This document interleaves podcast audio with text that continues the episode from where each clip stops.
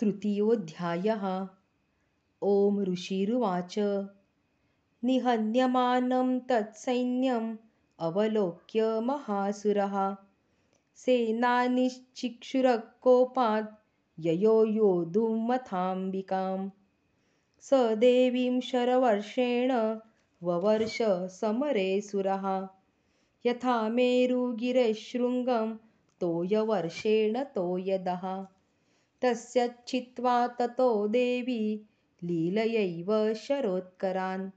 जघानतुरगान् बाणैर्यन्तारं चैव वाजिनां चिच्छेद च धनुः सद्यो ध्वजं चातिसमुच्छ्रितं विव्याध चैव गात्रेषु छिन्नधन्वानमाशुगैः। ऋषी म्हणाले महिषासुराच्या सैन्याचा देवी जगदंबेने कसा धुव्वा ओढवला हे आपण यापूर्वी ऐकले. आपल्या सैन्याची पिछेहाट होत आहे असे पाहून असुर सेनानी पुढे सरसावला व देवीशी युद्ध करू लागला. चिक्षुराने देवीवर अगणित बाणांचा वर्षाव केला. ते पाहून मेघ पर्वत शिखरांवर वर्षाधारा अविरत सोडतात त्या प्रसंगाची आठवण झाली. देवीने त्या बाणवर्षावाचे तात्काळ पारिपत्य करून शिक्षुराचे रथ घोडे आणि सारथी यांना मारून टाकले व दैत्यवीरांचा अहंकार क्षणात नष्ट केला. चिक्षुराचे धनुष्य आपल्या बाणाने मोडून टाकले त्याच्या रथावरील ध्वज ओढून काढून फाडून टाकला आणि त्याच्या शरीराभोवती बाणांचा एक अभेद्य पिंजरा उभा केला. सच्छिन्न धन्वा विरथो हताश्वो हतसारथी अभ्यधावत ताम देवीं खड्गचर्मधरोऽसुरः। सिंहमाहत्य खड्गेन तीक्ष्णधारेण मूर्धनि। आजघानभुजे सव्ये देवीमप्यतिवेगवान्। तस्या खड्गो भुजं प्राप्य पफाल नृपनन्दन। ततो जग्राहशूलं स कोपादरुणलोचनः। चिक्षेप च ततस्तत्तु भद्रकाल्यां महासुरः। जाज्वल्यमानं तेजोभिरविबिम्बमिवाम्बरात् दृष्ट्वा तदा पतच्छूलं देवी शूलममुञ्चत। तच्छूलं शतधातेन नीतं स च महासुरः। रथ मोडला धनुष्य तुटले रथाचे घोडे मेले सारथ्यालाही कंठस्नान घडल्याने क्षणभर चिक्षूर विचलित झाला. पण तात्काळ सावरून त्याने हाती ढाल तलवार घेऊन देवीवर चाल केली. चिक्षुराने आपल्या हातातील तलवारीने सिंहाच्या मस्तकावर प्रहार केला आणि अत्यंत चपाळीने देवीच्या बाहूवर आघात करून देवीला जखमा केल्या. देवीने त्याचा वार तिथेच अडवला. कारण हे राजा देवीवर राक्षसाने घातलेल्या मर्माघाती घावाने त्याची तलवार दुभंगली व खाली पडली. राक्षसाच्या रागात आणखी भर पडून त्याने अति तीक्ष्ण व तेजस्वी शूल घेतला. राक्षसाने हातातील शूळ देवीला मारण्यासाठी देवीवर टाकला. तो देवीच्या स्थानी पोहोचेपर्यंत त्याची धार इतकी तेजस्वीपणे चमकली की त्यापुढे सूर्याचे तेजही फिके वाटावे. पण तो चमकता शूळ देवीच्या पर्यंत पोहोचलाच नाही. कारण श्रीदेवीने त्या शूळाचे आपल्या हातातील शूळाने शेकडो तुकडे केल्यावर त्याच शूळाचा मर्मभेदी वार चिक्षुरावर करून त्याच्या चिंध्या चिंध्या करून त्याचा वध केला. हते तस्मिन् महावीर्ये महिषस्य चमूपतौ आजगाम गजारूढश गजारूढश्चामरस्त्रीदशार्दनः सोऽपि शक्तिं मुमोचाथ देव्यास्तामम्बिकादृतम्। हुङ्काराभिहतां भूमौ पातयामास निष्प्रभां भग्नां शक्तिं निपतितां दृष्ट्वा क्रोधसमन्वितः चिक्षेप चामरशूलं बाणैस्तदपि साच्छिनत्। ततः सिंहः समुत्पत्य गजकुम्भान्तरे स्थितः। बाहुयुद्धेन युयुधे तेनोच्चैस्त्रीदशारिणा युध्यमानौ ततस्तौ तु तस्मान्नागान्महीं गतौ युयुधातेति संरब्धौ प्रहारैरतिदारुणैः चिक्षू सेनानीला देवीने मारलेला पाहून महिषासुराच्या सैन्यातील दुसरा महाप्रतापी सेनानी चामर हत्तीवर बसून देवीशी लढण्यासाठी मोठ्या गर्वाने रणांगणात उतरला. चामराने देवीवर अतिशय चपळाईने एक प्रभावी शक्ती सोडली. ती शक्ती आणि तिचा स्वामी चामर या दोघांचीही देवीने एका फुंकरीने वाट लावून राख करून त्याला पृथ्वीवर पाडले. शक्ती विफल होऊन खाली पडलेली पाहताच चामराला खूप राग आला व त्याने हाती शूळ घेऊन तो नेम धरून देवीवर फेकला. पण देवीने आपल्या बाणांनी त्या शूळाचे चूर्ण केले. देवीच्या सिंहानेही उडी मारून हत्तीच्या मस्तकावर बसलेल्या असुराशी दोन हात करायला सुरुवात केली. चामराशी लढता लढता सिंह आणि असुरवीर दोघेही कोसळून एकमेकांवर जबरदस्त टोलेबाजी करू लागले. असुर शस्त्रांनी तर सिंह आपल्या तीक्ष्ण नखांनी एकमेकांना घायाळ करत होते. ततो वेगात खमुत्पत्य निपत्य च मृगारिणा करप्रहारेण शिरश चामरस्य पृथक् कृतम् उदग्रश्चरणे देव्या शिलावृक्षादिभिर्हतः। दन्तमुष्टितलैश्चैव करालश्च निपातितः। देवी क्रुद्धा गदापातैश्चूर्णयामास चोद्धतं। बाष्कलं भिन्दिपालेन बाणैस्ताम्रं तथान्धकम्। उग्रास्यमुग्रवीर्यं च तथैव च महाहनुं त्रिनेत्रा च त्रिशूलेन जघान परमेश्वरी. बिडालस्यासिनाकायात् पातयामास वै शिरः दुर्धरं दुर्मुखं चोभौ शरैर्निन्येयमक्षयम् आणि एका क्षणात सिंहाने आकाशात उंच उडी घेतली आणि खाली येताना हाताने इतक्या जोरात चामराला ठोसा मारला की त्याचे मस्तक धडापासून वेगळे होऊन रक्ताचे कारंजे वाहू लागले व चामर गतप्राण झाला.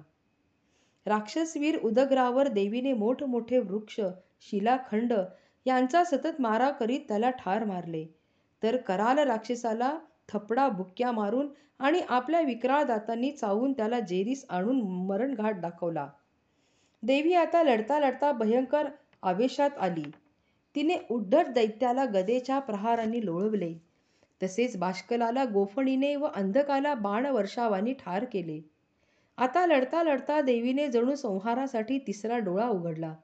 उग्रास्य, उग्रवीर्य आणि महाहनू या तिघांनाही देवी परमेश्वरीने त्रिशूळाने भोसकून ठार केले. तलवारीच्या एकाच घावाने बिडाल राक्षसाचे मस्तक देवीने धडा वेगळे केले. दुर्धर आणि दुर्मुख या राक्षसवीरांनाही बाणांच्या वर्षावाने यमसदनी पाठविले आणि महिषासुर सैन्यात आपल्या शौर्याने अनेक प्रमुख दैत्यांचा संहार मांडला. एवं संक्षीयमाणे तु स्वसैन्ये महिषासुरः माहिषेण स्वरूपेण त्रासयामास तान् गणान् कांशीतुण्डप्रहारेण खुरक्षेपैस्तथापरान् लाङ्गुलाताडितांश्चान्यान् शृङ्गाभ्यां च विदारितान्। वेगेन कांशिदपरान् नादेन भ्रमणेन च निःश्वासपवनेनान्यान् पातयामास भूतले। निपात्य प्रमथानीकम् अभ्यधावत् सोऽसुरः। सिंहं हन्तुं महादेव्या कोपं चक्रे ततोऽम्बिका। सोऽपि कोपान्महावीर्य खुरक्षुण्णमहीतलः शृङ्गाभ्यां पर्वतानुश्चांश चिक्षेप च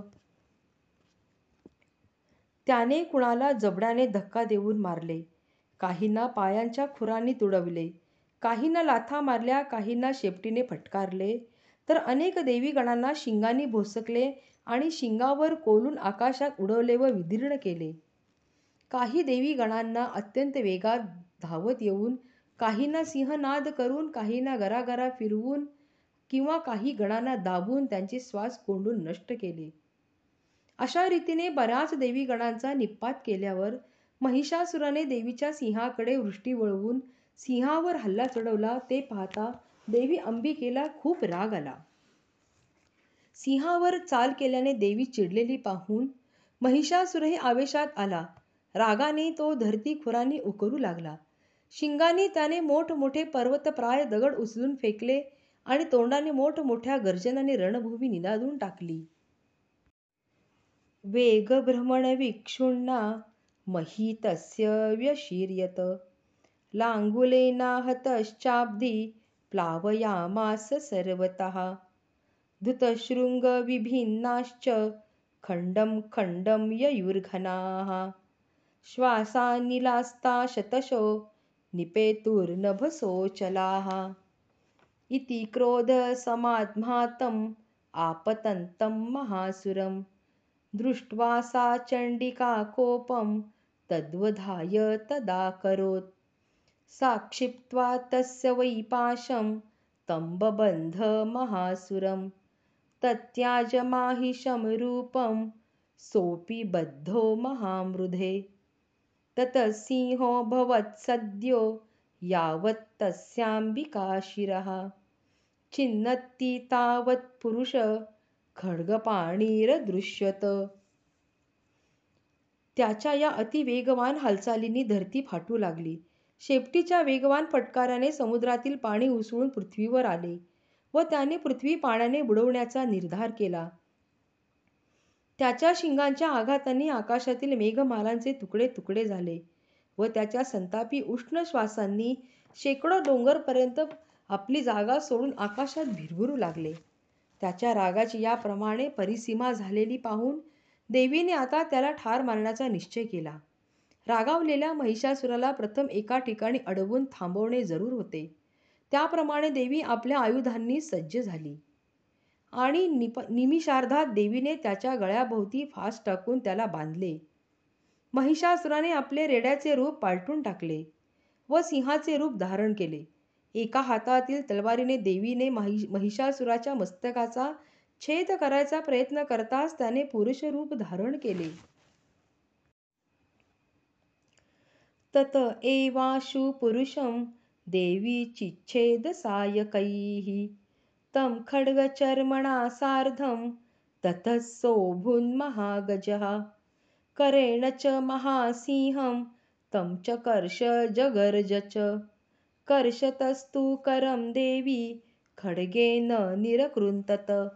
ततो महासुरो भूयो माहिषं वपुरास्थितः तथैव क्षोभयामास त्रैलोक्यं सचराचरं ततः क्रुद्धा जगन्माता चण्डिकापानमुत्तमं पपौ पुनः पुनश्चैव जहासारुणलोचना।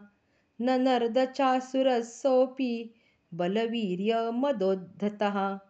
विषाणाभ्यां च चिक्षेप चण्डिकां प्रति भूधरान् देवीने त्या महिषासुराच्या पुरुषरूपावर बाणांचा वर्षाव करून त्याला वेढून घेतले. त्यावेळी असुराने पुरुषरूपाचा त्याग करून एका प्रचंड हत्तीचे रूप धारण केले. महाकाय हत्ती रूपाने आपल्या सोंडेने देवीच्या सिंहाला मोठी गर्जना करून ओढले तोच देवीने महिषासुराची प्रचंड सोंड हातीच्या तलवाराने कापून काढली. त्यावेळी महिषासुराने गजरूपाचा त्याग करून पुन्हा रेड्याचे रूप धारण केले आणि पूर्वीप्रमाणेच रणांगणावर उत्पात माजवून धरतीला आणि त्रिलोकातील जीवांना भयभीत केले. देवी महिषासुराच्या चकविणाने अतिशय क्रुद्ध झाली आणि आवेश येण्यासाठी तिने पुन्हा पुन्हा सुरापान केले. वारंवार दारू पिण्याने तिचे डोळे लाल होऊन अत्यंत त्वेषाने चमकू लागले. उन्मत्त महिषासुराला आपल्या पराक्रमाचा अहंकार होता. त्याने चंडिकेवर वारंवार मोठमोठ्या पर्वतप्राय दगडांचा वर्षाव केला व देवी चंडिकेला त्रस्त केले. साचतान् प्रहितांस्तेन चूर्णयन्ती शरोत्करैः। उवाच तं मदोद्धृतं मुखरागाकुलाक्षरं देव्युवाच गर्ज गर्ज क्षणं मूढ मधु यावत् पिबाम्यहं। मया त्वयि हतेऽत्रैव गर्जिष्यन्त्याशु देवताः। ऋषिरुवाच एवमुक्त्वा समुत्पत्य सारूढातं महासुरं पादेनाक्रम्य कण्ठे च शूलेनैनमताडयत् आपल्या बाणांनी देवीने अंगावर येणाऱ्या मोठमोठ्या दगडांचे चूर्ण केले आणि अत्यंत त्वेषाने त्याला धमकावले. बोलताना देवीने सुरापान केलेले असल्याने तिची जीभ अडखळत होती, शब्द स्पष्ट येत नव्हते. देवी म्हणाली, हे मूर्खा, तू खुशाल मोठमोठ्याने डरकाळ्या फोड. मी सुरापान करीपर्यंत तुझा हा उन्माद चालू दे. मी तुला मारल्यानंतर मात्र सर्व देवदेवतागण तुझ्या वधाने तुझ्यापेक्षाही जास्त बेहोशीने आनंदाने विजयोत्सव साजरा करतील. ऋषी म्हणाले, असे बोलून देवी चंडिकेने महिषासुरावर एक उडी घेऊन त्याच्या कंठात आपला शूळ खुपसला व त्याला ठार मारले. त्यावेळी देवीने धावत धावत येऊन महिषासुरावर चाल करून त्याचा गळा त्रिशूळाने चिरून टाकला. ततः पदाक्रांतस तया निजमुखात् ततः. अर्धनिष्क्रांत एवासीत देव्या वीर्येण संवृतः. अर्धनिष्क्रांत एवासौ युध्यमानो महासुरः. तया महासिना देव्या शिरश्छित्त्वा निपातितः। ततो हाहाकृतं सर्वं दैत्यसैन्यं न नाशतत्। प्रहर्षं च परं जग्मुः सकला देवतागणाः तुष्टुवुस्तां सुरा देवीं सह दिव्यैर्महर्षिभिः। जगुर्गन्धर्वपतयो नन्दृतुश्चाप्सरो गणाः इति श्रीमार्कण्डेयपुराणे सावर्णिके मन्वन्तरे देवीमाहात्म्ये महिषासुरवधो नाम तृतीयोऽध्यायः देवीने पायी आक्रमण केले त्यावेळी महिषासूर अर्धा मानव मस्तक आणि छातीपर्यंत व बाकी महिष स्वरूपात होता व त्याच अवस्थेत अत्यंत पराक्रमाने राक्षसाला मारले.